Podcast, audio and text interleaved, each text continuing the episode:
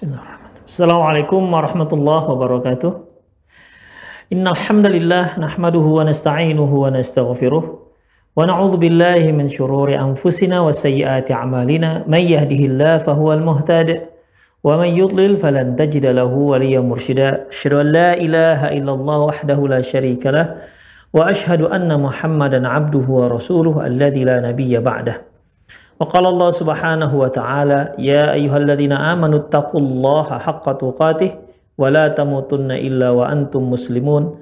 وقال عز من قال يا أيها الذين آمنوا اتقوا الله وقولوا قولا سديدا. يصلح لكم أعمالكم ويغفر لكم ذنوبكم. ومن يطع الله ورسوله فقد فاز فوزا عظيما. يا أيها الناس اتقوا ربكم الذي خلقكم من نفس واحدة وخلق منها زوجها وبث منهما رجالا كثيرا ونساء. واتقوا الله الذي تساءلون به والأرحام. إن الله كان عليكم رقيبا. أما بعد إن أصدق الحديث كتاب الله وخير الهدي هدي محمد صلى الله عليه وسلم وشر الأمور محدثاتها وكل محدثة بدعة وكل بدعة ضلالة وكل ضلالة في النار. kaum muslimin dan kaum muslimat para pemirsa Al TV di mana pun Anda berada, Alhamdulillah kembali kita bertemu dalam kajian kitab Fikut Tarbiyatil Abna. Para pemirsa di mana pun Anda berada, Alhamdulillah ya kita telah pelajari terkait dengan bolehnya seorang itu berkata tegas kepada anaknya atau memberikan ancaman pada anaknya ya untuk ataupun demi keperluan pendidikan seorang anak. Ya tentunya ini setelah melalui tahapan-tahapan, setelah adanya uh, bujukan, setelah adanya uh, ucapan yang lemah lembut dan seterusnya. Ya, namun hal itu tidak merubah si anak, maka boleh kita naikkan levelnya sedikit yaitu dengan mengucapkan ucapan yang tegas. Ya. Atau dinaikkan lagi yaitu dengan ancaman-ancaman. Itu semua kita lakukan bukan dikarenakan benci dengan anak, tapi semata-mata karena ingin memperbaiki anak. Makanya apa yang kita lakukan ya itu semua harus benar-benar karena Allah Subhanahu wa taala. Karena bagaimanapun di awal kita telah jelaskan al-hadi huwallah. Yang memberi uh, hidayah dia adalah hanya Allah Subhanahu wa taala. Kita hanya berupaya dan berusaha agar anak kita menjadi anak yang soleh dan solehah, agar anak kita menjadi orang-orang yang muttaqin yang dekat dengan Allah Subhanahu wa taala. Adapun hasil semuanya dari Allah Subhanahu wa taala. Innaka la tahdi man ahbabta, walakin Allah yahdi man yasha. Sungguhnya Allah Subhanahu wa taala yang memberikan hidayah kepada siapa saja yang Anda kehendaki, ya, kepada siapa saja yang dia kehendaki. Kamu tidak bisa memberi hidayah kepada orang-orang yang kamu cintai, tapi hanya Allah lah yang memberikan hidayah petunjuk kepada orang-orang yang Allah inginkan. Para pemirsa rahimanallahu wa iyyakum. Kemudian jika jika ucapan-ucapan lembut, tidak berpengaruh kepada si anak dan apabila sikap tegas, ucapan tegas juga tak berpengaruh. Kemudian ancaman juga tak berpengaruh. Maka berikutnya mari kita lihat apa sikap berikutnya yang kita upayakan agar anak kita menjadi anak-anak yang benar, yang soleh dan solehah. Wahahuwa Rasulullah sallallahu alaihi wasallam yahuthu ala ta'limil awladis salatah ini Rasulullah Wasallam memberi kita dorongan untuk mengajarkan anak-anak kita melaksanakan sholat. Famanintana ada iha barang siapa yang tidak mau melakukannya melaksanakannya wahwa ibnu asyra sinin sementara dia sudah berusia 10 tahun maka fahina idin yudrob maka dia pun dipukul Qala sallallahu alaihi wasallam Rasulullah sallallahu alaihi wasallam bersabda mulu auladakum bis salati wa hum abna'u sab'i sinin. Perintahkan anak kalian salat di saat mereka sudah berusia tujuh tahun. Wadribuhum 'alaiha wa hum abna'u asyra sinin.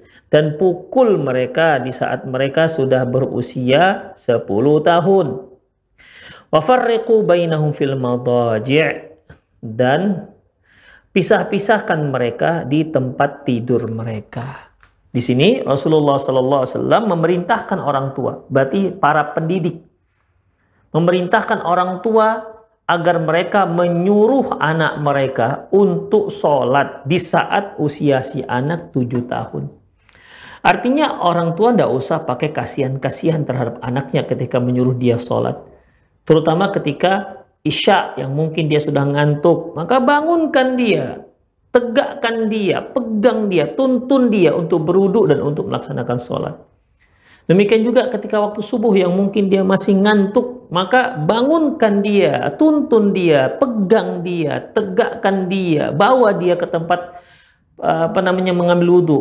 Kemudian sholat bersama mereka. Ya begitulah ikhwah. Setiap hari tidak usah ada rasa kasihan di sini. Karena kalau kita kasihan terhadap mereka, biarkan mereka tidur sampai mereka tak sholat isya, membiarkan mereka tidur uh, karena di, karena dirasa belum puas tidurnya sampai mereka tak sholat subuh, ini sama artinya sedang menjerumuskan si anak ke dalam lubang neraka.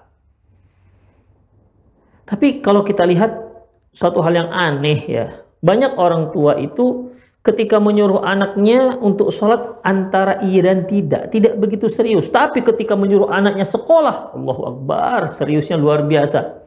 Bahkan dia bisa melibas anaknya dengan dengan kayu, dengan tali pinggang ketika dia menyuruh anaknya untuk belajar, untuk pergi ke sekolah. Tapi tak pernah itu dia lakukan ketika menyuruh anaknya melaksanakan sholat.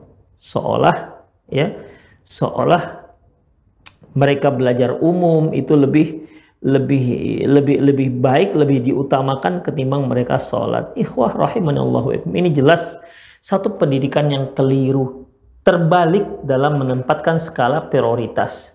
Demikian ikhwah. Di sini Rasulullah SAW mengatakan muru auladakum bisalat perintahkan anak kalian sholat. Ya, jadi yang di sini yang wajib bukan si anak. Si anak sebenarnya belum wajib sholat. Yang wajib adalah orang tua Orang tua wajib menyuruh anaknya sholat ketika si anak sudah berusia tujuh tahun. Kalau orang tua nggak menyuruh, belum menyuruh anaknya sholat, padahal dia sudah berusia tujuh tahun, si orang tua berdosa satu hari lima kali. Demikian ikhwah. Kemudian wadribu, nah, wadribuhum alaiha. Kalau sudah sepuluh tahun, wahum abna sinin. Kalau sudah sepuluh tahun masih tak sholat, kalau dia sudah usia 10 tahun masih juga tidak sholat, maka yang harus dilakukan adalah pukul. Hmm. Jadi eh, apa namanya fase nasihat, bujukan, ya kelemah lembutan, ketegasan itu itu itu fasenya itu di saat dia berusia 7 tahun sampai 9 tahun. Kalau ternyata sudah masuk 10 tahun, ucapan ucapan lembut tidak membuat dia merubah berubah ketegasan tidak membuat dia rubah. Diancam juga tidak berubah dia, dia tidak berubah. Maka dipukul dia supaya dia berubah Wafarriqu bainahum fil madaji' dan pisah-pisahkan tempat tidur mereka. Wa huwa Abdullah bin Abbas lamma yara fi ikramati nabahatan wa fahman wa bu wa nubughan wa aqlan. Berikut Abdullah bin Abbas ketika beliau melihat pada diri Ikrimah itu ada kecerdasan, kejeniusan, ke apa namanya akal yang baik, yang mudah untuk menerima ya mudah untuk menerima pelajaran. Apa yang dilakukan oleh Ibnu Abbas? Wa qana wa ka wa ikrimatun saghirun andaka yuhibbul la'ab. Padahal waktu itu Ikrimah yang waktu itu masih kecil sebagaimana anak-anak yang lain suka untuk bermain. Kama yuhibbu ghairuhu sebagaimana anak-anak yang lain. Ya, yang namanya anak-anak ikhwah, bagaimanapun mereka pasti suka bermain. Dan memang masa dan usianya usia masa masa dan usia bermain. Fil ghairuhu. Dan dia masih suka berlari sana lari sini sebagaimana anak-anak yang lainnya. Fahina idzin yuqayyiduhu ibnu Abbas wa yuthiquhu ibnu Abbas. Maka apa yang dilakukan oleh ibnu Abbas? Ibnu Abbas ikat Ikramah ini. Jadi supaya dia nggak lari-lari, supaya dia nggak main-main, ketika waktu dia belajar beliau ikat Ikramah. Bayangkan ikhwah, diikat kakinya. Hmm. Kemudian hatta yata'allam al-Quran hingga dia mau belajar Al-Quran wa yata'allam sunnah Rasulullah dan mempelajari sunnah Rasulullah sallallahu alaihi wasallam. Itu merupakan apa namanya ya? Itu tindakan-tindakan sebuah ketegasan. Ya, nggak mungkin lah Ibnu Abbas begitu mengajak si Ikrimah uh, kecil waktu itu mau belajar tiba-tiba sudah main ikat aja nggak mungkin. Ya ini suatu hal yang nggak mungkin. Pastilah sebelumnya Ibnu Abbas sudah mengajak dia untuk apa namanya? Untuk belajar, bujukan, dibujuk dengan ucapan lemah lembut, tapi tetap saja dia lari begitu kan. Maka perlu peningkatan ya supaya dia nggak lari bagaimana diikat maka diikatlah kaki Ikrimah oleh oleh Ibnu Abbas agar dia bisa betah belajar nggak lari Waqala Ikrimah berkata Ikrimah kana Ibnu Abbasin yaj'alu fi rijli al-kubla uh, al-kubla bahwasanya Ibnu Abbas itu mem, me, membuat belenggu di kakiku jadi kaki Ikrimah dibelenggu itu supaya tidak lari. Yu'allimunil Qur'an wa sunnah. Agar aku belajar Quran dan sunnah. Wa fi riwayatin yu'allimil Qur'an wal faraid. Dalam riwayat yang lain, Ibnu Abbas mengajarkan aku Al-Quran dan ilmu faraid. Demikian ikhwah. Kemudian kita lihat bagaimana hasilnya. Famadha kana min sya'ni ikrimah ba'da hadhil qaid anda bisa saksikan sendiri bagaimana hasil setelah Ikrimah ini di, diikat oleh Ibnu Abbas gurunya. Asbaha Ikrimatun nabighatun minan nawabiri wa asbaha mudad muhaddithan minal muhaddisin. Maka hasilnya jadilah Ikrimah seorang alim dari kalangan para ulama dan seorang muhaddis ahli hadis dibandingkan uh, ahli hadis di antara para pakar-pakar hadis yang lainnya. Wariwayatun an Ibnu Abbas ada juga yang diriwayatkan dari Ibnu Abbas li'adadin hailin min al ahadisi an Rasulullah mufassiran kabiran al mufassirin dan beliau adalah perawi yang mayoritas apa meriwayatkan hadis-hadis kebanyakan hadis Ibnu Abbas. Ikrimah kebanyakan umumnya riwayat Ibnu Abbas diriwayatkan oleh Ikrimah an Rasulullah sallallahu Beliau juga mufassiran kabiran minal mufassirin. Beliau juga termasuk, Ikrimah juga termasuk salah seorang para ahli tafsir yang cukup mumpuni. Wahahuwa sadiq Abu Bakrin. Yadribu ibnatahu Aisyata. Coba perhatikan juga Abu Bakar yang sempat memukul anaknya Aisyah, putrinya Aisyah. Lamma ta'akhral jaishu bisababiha dikarenakan eh, pasukan menjadi terlambat sampai ke suatu tempat gara-gara dirinya. Wa ta'akhkhara sallam bisababiha. Nabi pun jadi terlambat sampai gara-gara dirinya. Wa syakahan nasu ila Abi Bakr dan orang-orang pun melaporkan hal ini kepada Abu Bakar. Tuh gara-gara putrimu kita jadi lambat sampai di Madinah, kita jadi lambat dari sampai ke tempat tujuan kita. Kemudian bagaimana dan apa yang dilakukan oleh eh, Abu Bakar? Akhrajal Bukhari wa Muslim min hadis Aisyah. Imam Bukhari dan Muslim meriwayatkan dari hadis Aisyah. Qalat dia berkata, kharajana kharajna ma'a Rasulullah fi ba'di asfarihi. Bahwasanya Nabi, bahwasanya kami uh, keluar bersama Rasulullah SAW uh, di dalam satu lawatan atau safar hatta idza kunna bil baidah uh, hingga di suatu hingga kami sampai di satu tempat atau Zatul Jais atau di tempat yang bernama Zatul Jais in qata'a kedunli kata Aisyah ketika kami sampai di daerah Baida atau daerah Zatul Jais tiba-tiba kalungku hilang kata Aisyah radhiyallahu anha fa aqama Rasulullah SAW altimasihi maka Rasulullah pun menghentikan pasukan Rasulullah menghentikan perjalanan pasukan untuk mencari kalungnya Aisyah yang jatuh. Wa aqaman nasa ma'ahu dan Rasulullah pun menghentikan pasukan. Walaisu alama'in. Padahal tempat berhentinya pasukan tersebut di situ tidak ada air. Jadi ikhwah sebagaimana yang pernah kita singgung bahwasanya orang Arab itu ketika mereka melakukan perjalanan, mereka akan melalui satu daerah yang berhenti di satu daerah ke da daerah yang lain yaitu daerah yang ada airnya.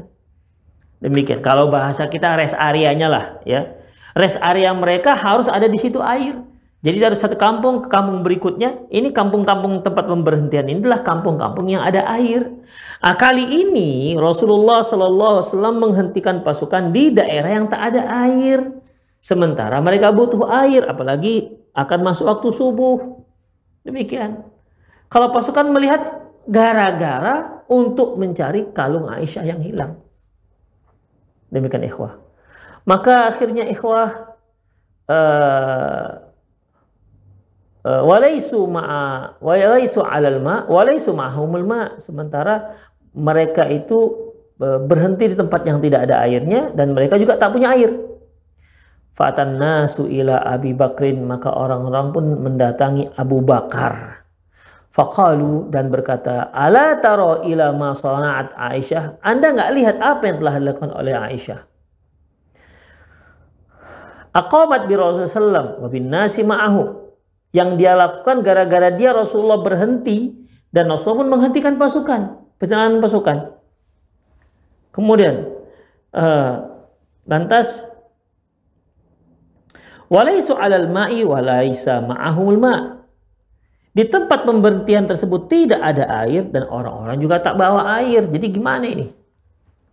Fajah Abu Bakrin wa Rasulullah SAW wa di ala fakhidhi dan datanglah Abu Bakar di saat Rasulullah SAW sedang meletakkan kepalanya di pahaku. Qad nama, beliau sudah tidur pada waktu itu. Jadi Abu Bakar masuk ya, waktu itu Rasulullah sedang kepalanya berada di pahanya uh, Aisyah radhiyallahu dan uh, apa namanya beliau sudah tidur. Kemudian Faqala habasti Rasulullah SAW wan nasa walaisu ma walaisu alal ma'i walaisa ma'humul ma. Apa kata Abu Bakar? Kamu ya yang telah menghentikan Rasulullah dan menghentikan rombongan pasukan sementara tempat ini tidak ada airnya dan orang-orang juga tak punya bawa air, tidak ada air. Tidak bawa air juga. Faqalat fa'atabani Abu Bakar. Maka Abu Bakar pun me, apa, memarahiku habis-habisan. Wa qala ma Allah ayyakul. Beliau ucapkan apa yang ingin beliau laku ucapkan. Wa ja'ala yata'amu biyadihi fi khasirati. Beliau pun memukul pinggangku, dipukul pinggangnya. Hmm, kamu begitulah kira-kira. Fala yamna'uni min taharuki illa makana Rasulullah ala fakhih. Dan aku berupaya untuk tidak bergoyang. Karena apa? Karena sekarang Rasulullah sedang tidur di atas pahaku. Tidak ingin mengganggu Rasulullah SAW. Fanama Rasulullah ala fakhidhi. Maka tidurlah Rasulullah SAW uh, di uh, dengan uh, dengan kepalanya berada di pahaku. Fanama hatta asbah ala ghairi ma' Maka beliau pun tidur sampai subuh. Padahal orang-orang tak punya air. Ini masuk waktu subuh. Nah, bagaimana mau sholatnya? Nggak ada air. Kemudian fa'anzalallahu ayatan ayat tayammumi fatayammamu maka turunlah ayat tayamum dan para sahabat pun ikut bertayamum ya karena kan nggak ada air Demikian ikhwah. Faqala Usaid bin Hudair berkata Usaid bin Hudair wa huwa ahadumun nuqaba. Salah seorang ikut bai'ah nuqaba. Ma hiya bi awali barakatikum ya ala Abi Bakar? Wahai Abu Bakar ini bukanlah keberkahan keluargamu yang pertama. Artinya kisah turunnya ayat uh, ayat tayamum itu uh, ya, apa namanya seperti ini. Jadi di kisah di kisah ini terjadinya di mana Aisyah gara-gara Aisyah yang kehilangan kalung akhirnya pasukan seluruh diberhentikan. Permasalahannya adalah pasukan tidak berada di tempat yang ada airnya dan pasukan juga nggak datang membawa air. Sementara ini sudah mau ini sudah masuk waktu subuh itu bagaimana? Maka ikhwah rahimanallah wa iyyakum turunlah ayat tayamum. Dalam kondisi seperti inilah turun ayat tayamum, maka para sahabat pun bertayamum. Faqala Usaid bin Hadir, Usaid bin mengatakan, wahai Abu Bakar, ini bukanlah keberkahanmu yang pertama, keberkahan keluargamu yang pertama. Faqal Aisyah fa'aba'athna al-ba'ir alladhi kuntu alaihi fawajadna al-aqda tahtahu.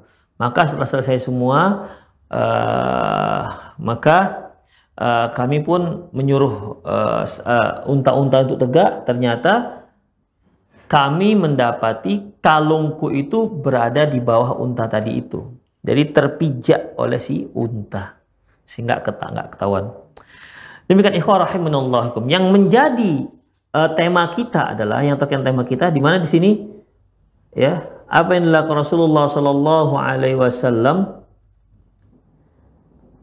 apa yang dilakukan Rasulullah SAW yaitu uh, yang apa yang dilakukan Abu Bakar terhadap putri beliau Aisyah, beliau pukul pinggangnya. Hmm, kamu ini gitu kira-kira. Tapi tetap, tetap bertahan agar jangan uh, beliau bergerak dan akhirnya membangunkan Rasulullah Sallallahu Alaihi Wasallam. Fama yamna'uni minat taharuki illa makan Rasulullah ala fagiri.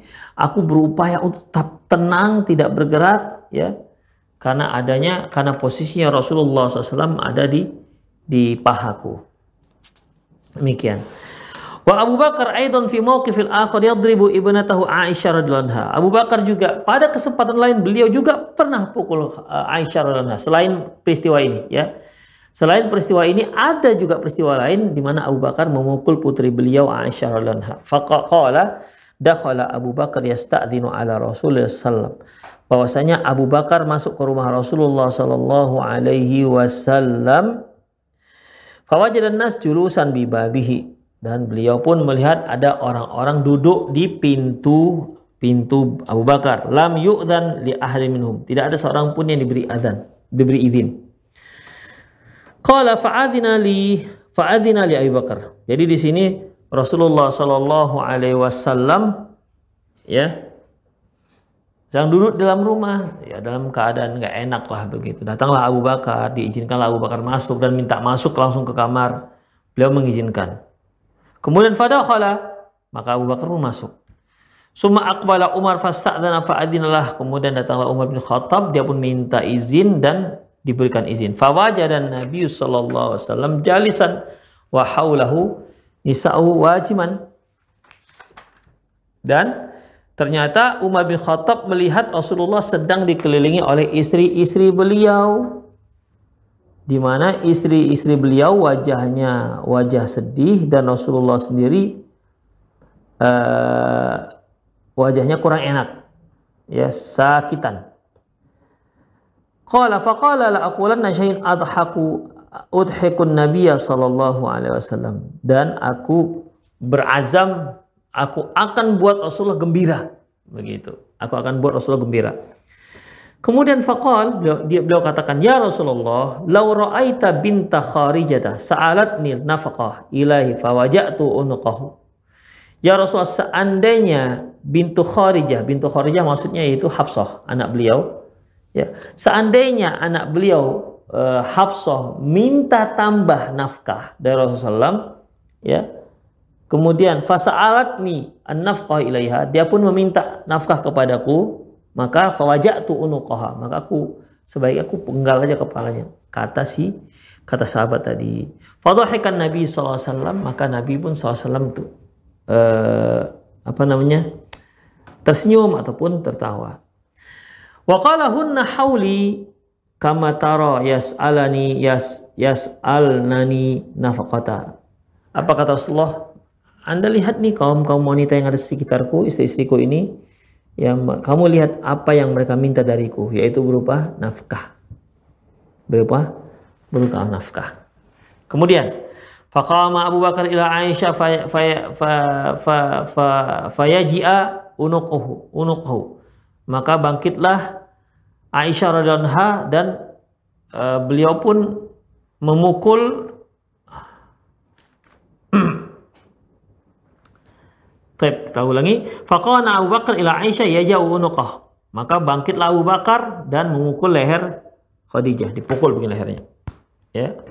Kemudian faqama Umar ila Hafsah fa yaji unuqah. Maka Umar pun bangkit dan uh, bangkit membawa Hafsah, uh, bangkit dan mengkati Hafsah dan dipukul pundaknya. Kilahuma yaqul, keduanya mengatakan tas tas tas alun tas alun Rasulullah ma laysa indah. Kedua-duanya maksud baik Abu Bakar maupun Umar ya ketika bertanya kepada Rasulullah SAW, apa yang beliau katakan ya? Apa yang beliau katakan yaitu ini para istri-istri Nabi ini meminta nafkah yang beliau sendiri nggak punya. Demikian ikhwah. Selanjutnya fakultu wallahi la nas'alu rasulullah syai'an abadan laisa indah maka aku pun berkata, demi Allah kami tidak akan meminta kepada Rasul ke, yang meminta kepada Rasulullah SAW syai'an apa-apa lagi. Kemudian uh, summa i'tazalna syahran wa tis'an wa, wa ishrin. Kemudian beliau pun mengasingkan diri dari mereka sebulan sebulan 29 hari. Thumma nazalat, kemudian dia pun turun. Summa nazal alaihi ayah, kemudian turunlah ayat ke kepada Rasulullah yaitu ya ayuhan nabi kulli azwajika wa banatika wa nisal mu'minin dunia menjalin seterusnya. Wahai nabi katakan kepada saudari-saudarimu ya karena memang masalah perhiasan ini banyak karena yang masalah-masalah ini banyak terjadi pada kaum wanita ya. Banyak kaum wanita yaitu meminta meminta nafkah lebih walaupun nafkah yang pertama itu sudah sudah cukup. Tapi Nabi pun meng menghindar dari mereka selama satu bulan 29 hari. Ya dua bulan lah kita katakan hingga turunlah ayat ya ya nabi kulli azwajika. Wahai nabi maka katakanlah ke sau kepada istri-istrimu hatta balagha lil muhsanati minkunna ajrun azima dan pada orang wanita-wanita yang baik akan mendapatkan pahala yang besar. Al-Ahzab ayat 29. Qala fabada Abi Aisyah. Lantas orang yang pertama yang beliau tanya yaitu Aisyah radhiyallahu anha. Apa katanya? Ya Aisyah tu inni uridu an o, an u'rida alayki amran uhibbu an la taj'alani fihi hatta tastashiru abawaiki. Kata Aisyah, faqala beliau mengatakan ya Aisyah, sesungguhnya aku ingin Ya Rasulullah, aku ingin a'rada alika amran, aku ingin mengajukan beberapa urusan kepada Anda. Wa ahibbu alla taj'alani fihi hatta tastashira abawaik. Dan aku tidak ingin bersikap gegabah ataupun bersikap uh, wala tak tak jali dan tidak bersuka bersikap tergesa-gesa sampai aku meminta dulu apa keputusan ayahku. Demikian Ini menunjukkan bahwasanya bagi seorang wanita kalau dia dilamar atau apalah namanya maka untuk sebagai tindakan yang serius maka pertemukan mereka dengan dengan orang tua. Demikian ikhwah. Menunjukkan bahwasanya dia memang benar-benar siap untuk menikah. Kemudian Qalat wa ma huwa ya Rasulullah Apakah ayat itu ya Rasulullah? Fatala alaiya ayah. Maka Rasulullah pun membaca ayat. Kemudian, Qalat afika ya Rasulullah uh, astashiru abawaik. Jadi di sini ikhwah rahimanallah wa iyyakum Rasulullah sallallahu alaihi memulai pertanyaan pertanyaan ini kepada Aisyah radhiyallahu anha. Faqala dia berkata, "Ya Aisyah, aku ingin mengajukan kepadamu satu urusan eh, dan aku tidak ingin engkau langsung menjawab kecuali setelah engkau diskusikan bersama kedua orang tuamu. Kemudian apa kata Rasul apa kata Aisyah? Apa itu ya Rasulullah masalahnya? Kata Rasulullah, "Fatala 'alaiha al-ayah." Lantas Rasulullah pun membacakan ayat. Qala afika ya Rasulullah as, uh, astashiru abawaik? Kata Aisyah, ya Rasulullah, apakah apakah masalah ini aku masih perlu meminta pendapat kedua orang tuaku? Karena karena masalahnya dipilih dua hal, dua alternatif, ikhwah. Kamu mau uh, kamu ridho dengan hidup kona'ah, ya hidup dengan kona'ah, maka dan kalau kamu pilih Allah Rasulnya maka kamu dapat surga. Tapi kalau kamu tidak memilih Allah dan Rasulnya maka kamu akan diberi uang saku. Demikian ikhwat tadi tapi tak dijamin masuk surga. Makanya kata Aisyah, apakah aku perlu bermusyawarah kepada orang tuaku apakah aku melanjutkan pernikahan denganmu atau enggak? Apakah perlu ini? Kata ya maksudnya Aisyah tuh ya nggak perlulah nih ditanyakan mereka sudah jelas aku akan memilih Allah dan Rasulnya ketimbang memilih yang lain. Kata Ibnu Abbas. Afika ya Rasulullah astasyiru abaik. Kata uh, kata Aisyah, kata Aisyah, apakah masalah engkau ini yang akan aku uh, apa namanya? yang akan aku minta pendapat dari kedua orang tuaku? Kemudian bal akhtarullah wa rasulah wa dar Tapi sungguhnya aku telah membuat keputusan, aku memilih Allah dan Rasulnya serta kampung akhirat. Wa as'aluka alla tukhbiruni imra'atan min nisa'ika billadhi qultu. Namun aku berharap padamu ya Rasulullah agar Anda uh, jangan beritahukan ucapanku ini kepada istri-istri Anda yang lainnya. Qala beliau katakan la tas'aluni imra'atun minhunna illa akhbarat illa akhbartuha. Aku tidak pernah diminta oleh kaum wanita kecuali aku beritahukan kepada mereka innallaha lam yaba innallaha lam yab'athani. Lam yab'athni mu'annidan wa muta'annidan. Sesungguhnya Nabi SAW sesungguhnya Allah Subhanahu wa tidak menyuruh aku untuk bersikap keras kepala. Allah tidak mengutus aku dengan sifat keras kepala. Walakin ba'athani mu'alliman muyassiran. Tapi Allah telah memberikan aku uh, telah mengutuskan aku sebagai pengajar dan juga sebagai musayyiran sebagai uh, Lakin ba'athan ya mu'alliman. Tapi Allah subhanahu wa ta'ala telah mengutus aku sebagai sebagai mu'alliman. Wa muyassiran dan memberikan kemudahan. Kemudian ikhwah rahimanallahu wa iyyakum. Selanjutnya, ya.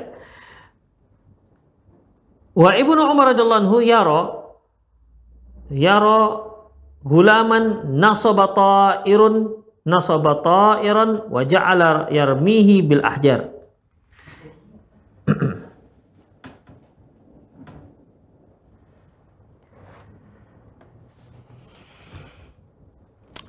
Bahwasanya Abdullah bin Umar beliau melihat ada anak-anak yang sedang menancapkan burung ya untuk menjadi uh, apa namanya menjadi uh, target untuk dilempar. Yarmi bil ahjar dia lempar dengan batu. Faqala li ahli kata Abdullah bin Umar kepada istrinya, izjiru gulamakum an fi'li hada. Larang anak kalian melakukan ini. Qal Bukhari min hadis Ibnu Umar radhiyallahu anhu Imam Al-Bukhari berkata dalam hadis Abdullah bin Umar annahu dakhala ala Yahya bin Sa'id bahwasanya dia pernah datang menjenguk Yahya bin Sa'id wa ghulamun min bani Yahya dan anak-anak dari anak dan anak-anak dari bani Yahya. Rabitun dujajah yarmiha di mana mereka itu sedang mengikat seekor ayam untuk mereka lempar. Famasya ilaiha ibnu ibnu Umar maka ibnu Umar pun pergi ke tempat mereka bermain. Hatta hallaha sama summa aqbala biha maka akhirnya e, Ibnu Umar pun melepas ikatan ayam tersebut dan e, sama akbala biha bil mahu dan beliau pun membawa ayam ini ke hadapan si anak para anak-anak yang telah menjadikannya sebagai target untuk pembunuhan dengan dilempar. Izjiru gulamakum an ayasbiru hadha tayr liqatli fa inni sami Nabi sallam naha antus biro bahi matan awairuha lil qatli. Beliau katakan, ya beliau katakan, uh, Abdullah bin Umar berkata, uh, perbaiki anak kalian, izjiru, larang anak kalian, uh, larang anak kalian uh, untuk sabar hadat tayr lil qatli, untuk sabar terhadap untuk sabar terhadap burung ini ya lil qatli jangan jangan dibunuh. Ayasbiro yasbiro ya. Bahasanya Nabi bahwa izjiru an ayasbiro bahwasanya Ibnu Umar mengatakan cegah anak-anak kalian jangan sampai menjadikan burung ini sebagai target untuk pembunuhan. Fa inni sami'tu Nabi sallallahu naha antus baro bahimatan aw qatli. Karena aku pernah mendengar Rasulullah melarang untuk menjadikan hewan-hewan sebagai sebagai bahan atau target untuk dijadikan panahan, lemparan dan lain-lainnya. Demikian ikhwah. Jadi di sini Abdullah bin Umar betul-betul mendatangi anak-anak tersebut karena mereka melakukan apa yang dilarang oleh Rasulullah Shallallahu Alaihi Wasallam. Ikhwah itu saja kajian kita ya semoga bermanfaat. Aku lu qauli hadza wa astaghfirullah li wa lakum. Muslimin innahu wal rahim. Bagi para pemirsa yang ingin bertanya, Anda bisa mengirim uh, ber, ber, berbicara langsung, telepon langsung melalui nomor yang sudah ada tertera di pesawat Anda atau juga Anda boleh kirimkan berupa chat via WhatsApp atau juga langsung ke nomor saya ini juga boleh yaitu di 0812638734.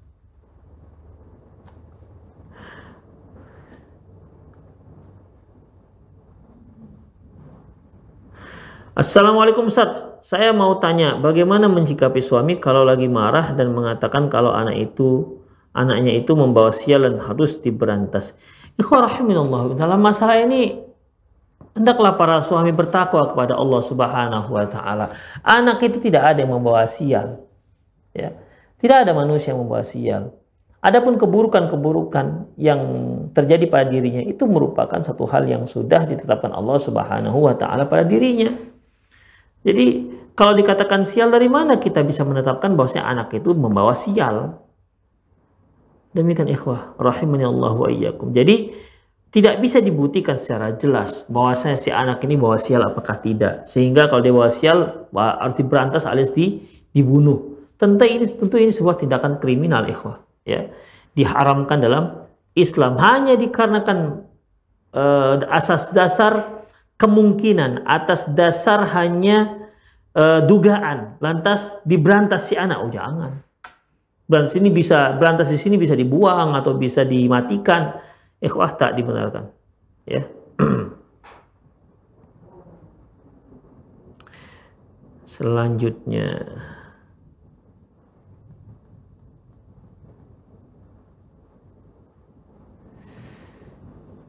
Ustadz kalau membaca Surat Muluk dan surat Yasin terhadap surat sajadah setiap selesai sholat Isya secara rutin apakah termasuk bid'ah? Mohon penjelasan Ustadz jazakumullah khair. Ikhwah, pada dasarnya kita itu boleh-boleh saja membaca ayat apa pun dan di mana pun selama tidak ada larangannya. Ya, tidak masalah seorang itu membaca surat Yasin, kemudian setelah itu dia membaca Nas, surat Falak, demikian. Habis itu dia setelah itu dia baca Al-Baqarah, boleh nggak ada masalah. Hanya saja yang perlu kita ketahui ya bahwasanya bahwasanya ketika kita mengkaitkan satu bacaan dengan keyakinan pahala tertentu. Misalnya kalau saya membaca surat Al-Muluk setiap kali mau tidur, saya yakin bahwasanya kalau saya baca ini setiap mau tidur maka saya akan terbebas dari azab kubur. Maka masalahnya bagi kita yaitu tinggal mana dalilnya. Begitu. Yang penting itu dalil. Bukan sekedar katanya-katanya, bukan sekedar hanya dugaan-dugaan belaka. Seperti yang telah kita singgung bahwasanya yang memberi yang memberi pahala itu adalah Allah Subhanahu wa taala yang mengistimewakan satu makhluk dibandingkan makhluk yang lain itu juga Allah Subhanahu wa taala. Makanya Allah pernah kata Allah sebutkan dalam firman firman-Nya, "Wallahu ya yakhluqu ma yasha wa yakhtar." Allah itu yang menciptakan apa saja yang Dia kehendaki, wa yakhtar dan Dia yang memilih. Ya. Dia yang yang memilih, yang mengistimewakan yang satu dengan yang lainnya. Demikian ikhwah Allah wa iyyakum. Jadi dalam masalah ini ya dalam masalah ini tinggal kalau yang bertanya di ibu yaitu surah Al-Muluk tinggal carilah adakah memang uh, apa namanya membaca Al-Muluk itu mem, adakah syariatnya membaca surah Al-Muluk misalnya kita katakan selesai salat Isya secara rutin tinggal apa dalilnya demikian ikhwah Kalau sudah ada dalilnya, ya sudah kita amalkan. Tanpa lagi bertanya, kenapa surat Al-Muluk? Kenapa nggak surat-surat yang lain? Ini nggak perlu lagi ikhwah dijawab. Kenapa? Karena Rasulullah SAW ada ada membaca surat ini setiap kali tidur misalnya, maka kita amalkan. Demikian ikhwah. Karena ada dasarnya, ada dalilnya dari Rasulullah Sallallahu Alaihi Wasallam. Nah, demikian juga soal sajadah, surat Yasin. Tinggal coba dicari, ada nggak dalilnya? Padahal sebenarnya kalaupun mereka baca ini mau sebelum isya setelah isya nggak ada masalah mau sebelum subuh setelah subuh nggak ada masalah karena ini merupakan firman Allah Subhanahu wa taala. Allahu alam bisawab. Jadi untuk mengatakan bid'ah itu kita harus tanya dulu tentang amalan ini ada dasarnya apa tidak. Demikian. Kalau benar-benar tak ada dasarnya maka ini termasuk dengan uh, man uh, man amila amal laisa alai amra fawaradun barang siapa yang beramal satu amalan yang tidak ada dasarnya maka dia tertolak. Assalamualaikum Ustaz, ibadah apa yang sebaiknya kita lakukan agar anak gadis kita cepat menemukan jodoh jazakumullahu khairan. Ikhwah rahimahullah, ibadah yang membuat anak kita akan dapat cepat jodoh insya Allah yang pertama doa. Ya. Berdoa kepada Allah Subhanahu wa taala. Semoga anak gadis kita dapat jodoh Demikian ikhwah. Kemudian yang kedua, coba ungkapkan ini kepada teman-teman Anda. Mana tahu teman-teman Anda ada ada calon untuk anak gadis Anda. Jadi jangan diam-diam begitu saja. Demikian.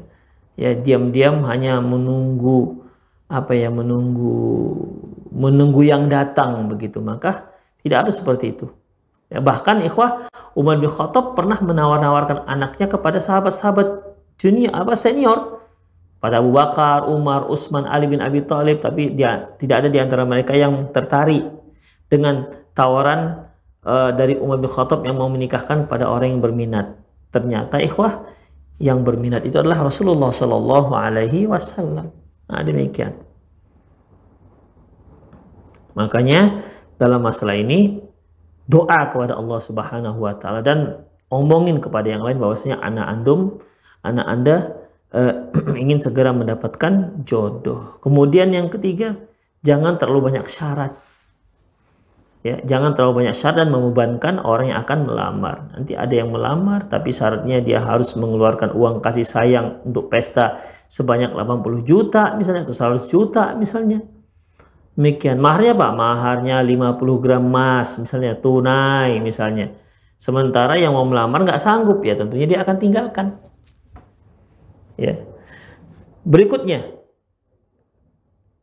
Afan Anda ingin bertanya bagaimana hukumnya seorang perempuan yang pergi ke kajian sendirian dengan jarak 30 km kurang tahu sekitar tempuh dengan waktu kira satu, setengah jam. Apakah jarak tersebut terhitung hafar sehingga harus dengan mahram ustadz? Ya kalau dia berada di Medan atau di Jakarta saat satu setengah jam perjalanan itu nggak ada apa-apanya ikhwah.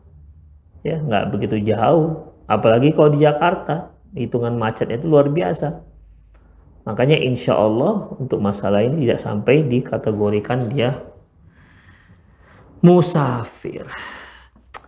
Ikhwah rahimahullah sepertinya itu saja nggak ada lagi pertanyaan kita ini ya. Habis pertanyaan kita. Demikian. Oke. Okay. Halo.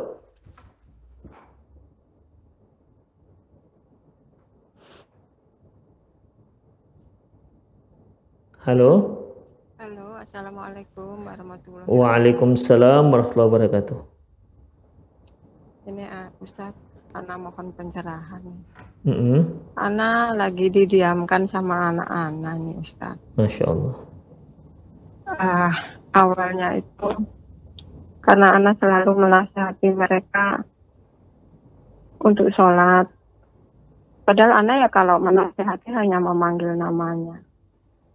Terus mereka tadinya berani merokok di belakang anak, kemudian sudah berani di sekitar rumah. Itu anak tegur baik-baik juga, Ustaz.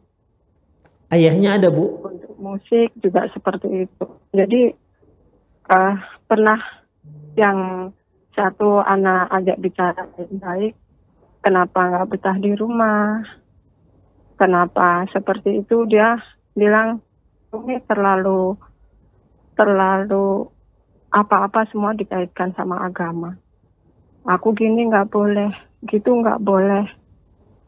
Terus Ana bilang itu bukan Umi yang melarang nak, itu Allah. Dan saat ini mereka berdua mendiamkan Ana, bahkan yang satu nggak mau pulang Ustadz di tempat mbahnya. Gimana Ustadz yang harus Ana lakukan? Ibu, ibu uh, oh, anak ibu sudah besar bu? Ya. Sudah besar? Sudah. Usia? Yang satu udah kelas 3 SMA oh. dan yang satu SM, SMA kelas 1 Ustaz. Hmm, sejak usia Padahal berapa mereka kecil, ibu ajak sholat? Ya.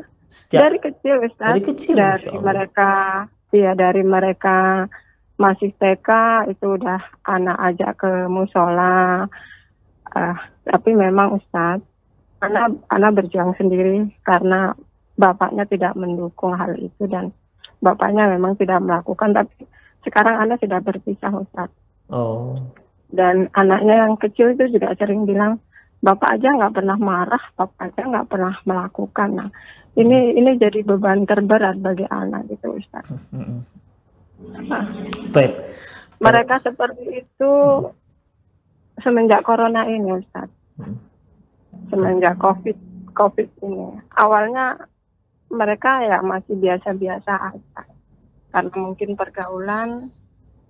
Dan anak sendiri nggak bisa mengawasi dengan maksimal karena anak sendiri kondisinya sudah sudah sakit-sakitan. Jadi kalau dulu mereka agak agak menyimpang anak ikutin. Malam pun anak cari karena anak masih bisa motoran. Kalau sekarang gerak anak itu terbatas Ustaz hmm.